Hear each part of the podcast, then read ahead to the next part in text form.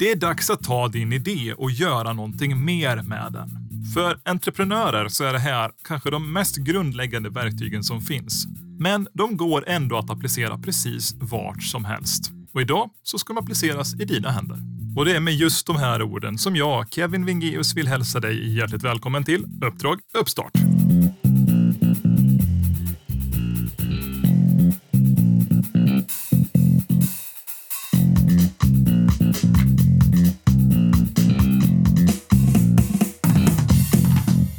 Sitter du på någon riktigt bra idé där ute? Visste du att vem som helst kan komma på en riktigt bra idé? Men det är konsten att ta den här idén och paketera den så att den skapar ett värde på marknaden som är så svårt för väldigt, väldigt många. Det finns därför en hel uppsjö av verktyg som används flitigt när man som entreprenör till exempel ska ta fram en ny idé. När ett företag håller på att utveckla en ny avdelning och ska bestämma vilken riktning de här tjänsterna som den avdelningen står för ska ta vägen. Eller när man som egenföretagare eller aspirerande företagare ska börja på att sätta ihop de första produkterna eller tjänsterna i sitt företag. Men för att en idé ska kunna ta form så behöver vi konstatera vad vi har att jobba med. Då använder vi oss av en så kallad möjlighetskarta. Det här är som en tabell som tillåter dig att skriva ner alla potentiella vinklar och vrår, kontakter, resurser som du kan tänkas behöva eller som du har tillgång till just nu. Och Det hjälper dig att planera och strukturera hur din idé ska se ut. Utöver möjlighetskartan så har vi det som kallas för omöjlighetskartan. Det är alltså samma typ av tabell, fast där du istället skriver ner allting som du inte har och inte har tillgång till och inte kan. Tillsammans så ger de här två kartorna dig en fullständig överblick på vart du står just nu. Och det är när du vet var du står som du kan börja på att planera. Det är nu du tar fram papper och penna och skriver ner följande. En rubrik där det står intressen. En rubrik där det står erfarenheter. En rubrik där det står kunskaper eller färdigheter. En rubrik där du har skrivit resurser, tillgångar. Och en rubrik där du skriver kontakter. Det här är dina fem möjlighetsfält. Du ska dock inte göra en omöjlighetskarta för saken är att omöjligheterna är uppenbara. Det är allting annat, allt som är utanför möjlighetskartan. Men varje gång någon introducerar dig för någonting nytt som du inte haft på din möjlighetskarta innan så kan du flytta det från dina omöjligheter till dina möjligheter. Men ibland kanske man fastnar i det här tanketräsket och då är det hälsosamt att höra av sig till någon man litar på eller någon som man vet att man kan prata med. Det kan vara en förälder. Det kan vara en arbetskollega, din chef kanske. Eller så kanske det är någon handledare du har någonstans. Kanske en coach du träffat på LinkedIn. Ja, vem den är, var inte rädd för att prata om dina idéer. Det är faktiskt så här att en idé växer mycket fortare och mycket mer hälsosamt när den är ett arbete som flera engagerar sig i.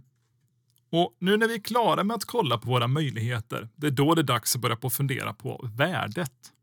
Och vad är ett värde för någonting? Jo, det är så enkelt som det låter.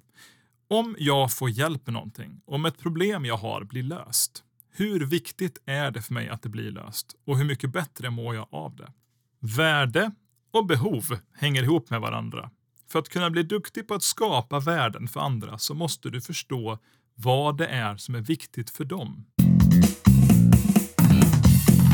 På marknaden så brukar värden delas in i fyra kategorier. Målet är att värdet ska vara någonting som förenklar, underlättar och möjliggör.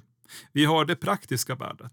Vi har det sociala värdet, känslovärdet och besparingar. När man knyter an de här värdena i händerna på en kund så pratar man om problemen som just nu finns och som kan underlättas med de här värdena som vi erbjuder. Jag kanske har en ledsjukdom som gör det svårt för mig att knyta skorna. Någon uppfinner kardborrebandet och vips så är mitt problem underlättat.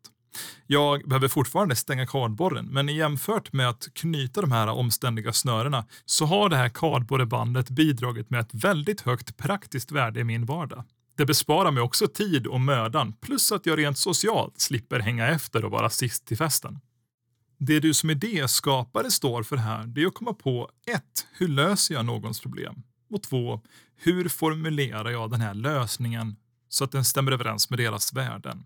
Det här med skosnören det är bara ett av många exempel. Vi kan också köra ett exempel med att ett företag behöver nå ut på sociala medier. Men den enda som kan någonting om sociala medier i företaget det är Bosse som sitter och scrollar genom Facebook när han kommer hem från jobbet. Och de anser inte riktigt att det här täcker upp för företagets behov. Men så har man heller inte möjligheten att anställa en fullständig tilltjänst i företaget. Och det kanske bara rör sig om några timmar emellanåt. Så företaget bestämmer sig för att de kontaktar en extern kommunikatör som gör sociala medieinläggen åt dem. Som kommer ner till företaget ibland, fotar lite, filmar lite, pratar lite med de medarbetarna som är där och pratar med företagsledningen för att sen göra ordning en strategi och lägga upp på sociala medier så att företaget får den exponeringen de eftersträvar. För den här kommunikatören så är det väldigt viktigt i deras erbjudande, alltså den idén de har som en produkt de erbjuder marknaden, att det är tydligt att det ska vara enkelt för företaget, att det ska vara snabbt och smidigt och att det ska vara effektivt. Det är det företaget söker. Så det är några av de grundläggande problemen som den här kommunikatören kommer få lov att jobba med när de ska marknadsföra sig själva som en agent för företaget. Du lyssnar på... Du lyssnar på... När det gäller idéer så finns det ett gammalt talesätt som säger att ingen idé överlever första mötet med marknaden. Men Kevin, vad betyder det här? Är alla mina idéer och planer bara att kasta i soporna? Det är ingenting att ha. Kommer det inte att gå? Ja, om vi tar och lugnar oss så ska vi först konstatera att det här det är ett uttryck som betyder att en idé när den är färdig ja, aldrig blir färdig. Att man alltid måste komma tillbaka till och finpolera sina idéer, hitta på lite nya sätt för att göra dem intressanta. Att man kanske måste fundera på andra värden en bit längs vägen för att kunderna har förändrats. Men det är här jag vill uppmana dig till att prova och utmana dig med dina idéer.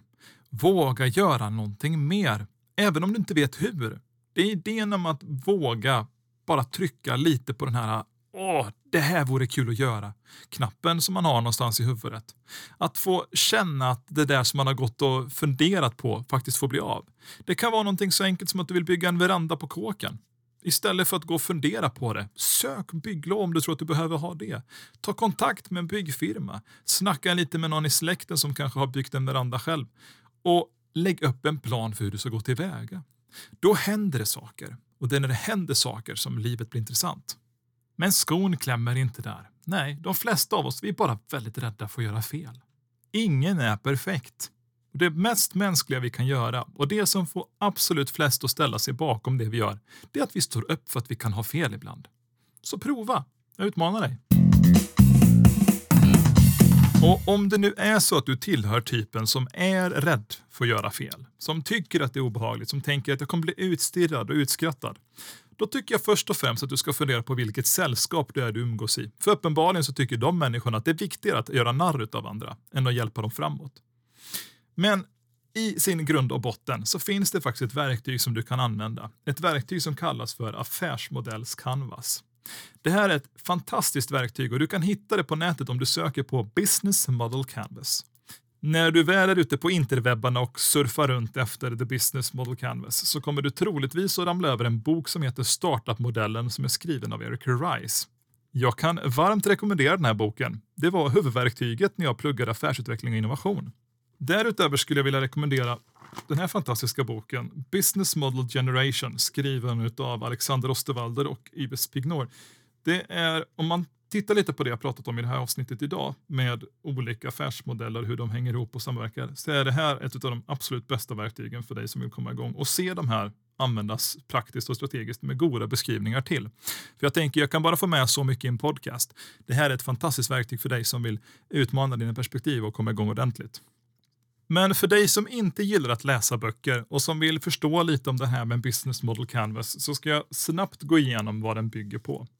Först och främst pratar man om dina nycklar. Det här är alltså partners, aktiviteter och resurser som måste finnas i verksamheten för att den ska kunna existera.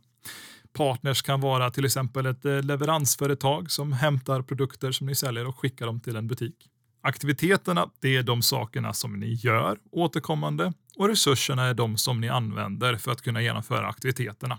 I den här modellkanvasen så finns också värdeerbjudandet. Det pratade jag lite om här tidigare. Sen har vi kundrelationer och kanaler. Hur kommunicerar vi med våra kunder? Genom vilka kanaler når vi ut? Är det sociala medier? Har vi en Facebook-sida? E-postkampanjar vi? Lägger ut affischer på stan? Eh, vi kanske har busstryck som syns på alla stadens bussar som åker runt med någon intressant reklamkampanj. Alltså hur kommer vi åt våra kunder? Och relationerna vi har till våra kunder. Får de de värdena de efterfrågar? Vad erbjuder vi för kvalitet? Hur återkopplar vi? Har vi någon uppföljning? Hur bemöter vi dem? Använder vi en specifik typ av jargong, språkligt till exempel? Och det är så förbaskat förpillrat fantastiskt underbart glädjande att du är kund hos just oss idag, idag, idag. Här får du 110% rabatt. Jag tänker alltså ge dig pengar för att du ens kom in i butiken idag. Så trevligt glad är jag över att du är här. Äh, fjol av. Dörren är där borta. Du hittar ut själv. Innan nu någonting annat blir sagt så vill jag självklart poängtera att de här språkliga konventionerna rent dialektalt inte på något sätt understryker att en person har en viss mentalitet bara för att jag valde att exemplifiera det här på det sättet. Och sen så har vi kundsegmentet och det är ju de kunderna som du har identifierat som faktiskt är intresserade av det ni gör. Ett kundsegment kan vara företagare som driver en liten verksamhet till exempel. Ett kundsegment kan vara pensionärer, 60 plus, som är behovet av en telefon med stora knappar. Man vet aldrig. Det är sånt här man identifierar när man utvecklar sin affärsmodell. Och sen så har vi kostnadsstrukturer och intäktsflöden. Hur hänger vår verksamhet ihop rent ekonomiskt? Vad behöver vi? Vad har vi att jobba med? Vad går in och vad går ut? Hur mycket måste gå in och hur mycket måste gå ut för att vi ska gå runt? Hur går vi plus eller går vi minus? Med de här verktygen så har du goda förutsättningar att komma en väldigt bra bit på vägen, om inte till och med komma hela vägen i mål. Men glöm inte bort att företagandet, det är inte att ha ett mål, utan det är att ha en strävan efter att alltid bli bättre. Så vad tänker du nu? Har du en massa jobb framför dig med att färdigställa din idé? Eller är du redo att prova vingarna med en idé som är halvfärdig? Ja, vilket det än gäller så är vi många här ute som både är villiga att stötta, engagera oss och ställa upp för dig och dina idéer. Allt du behöver göra är att fråga eller be om hjälp. I nästa avsnitt ska vi slänga oss in på varumärkesstrategier och diskutera hur man jobbar vidare med dessa. Jag har varit Kevin Vingeus och du har lyssnat på Uppdrag Uppstart. Ah, nu tänkte du att avsnittet var slut, eller hur? För det är så här jag brukar avsluta episoderna. Ja, men så kan jag använda det här tillfället för att visa att det är helt okej okay att bryta mönster ibland. Att gå lite utanför sina ramar. Och vet du vad jag fick för möjlighet då? Jag kan önska dig en fantastiskt trevlig dag. Ha det bra!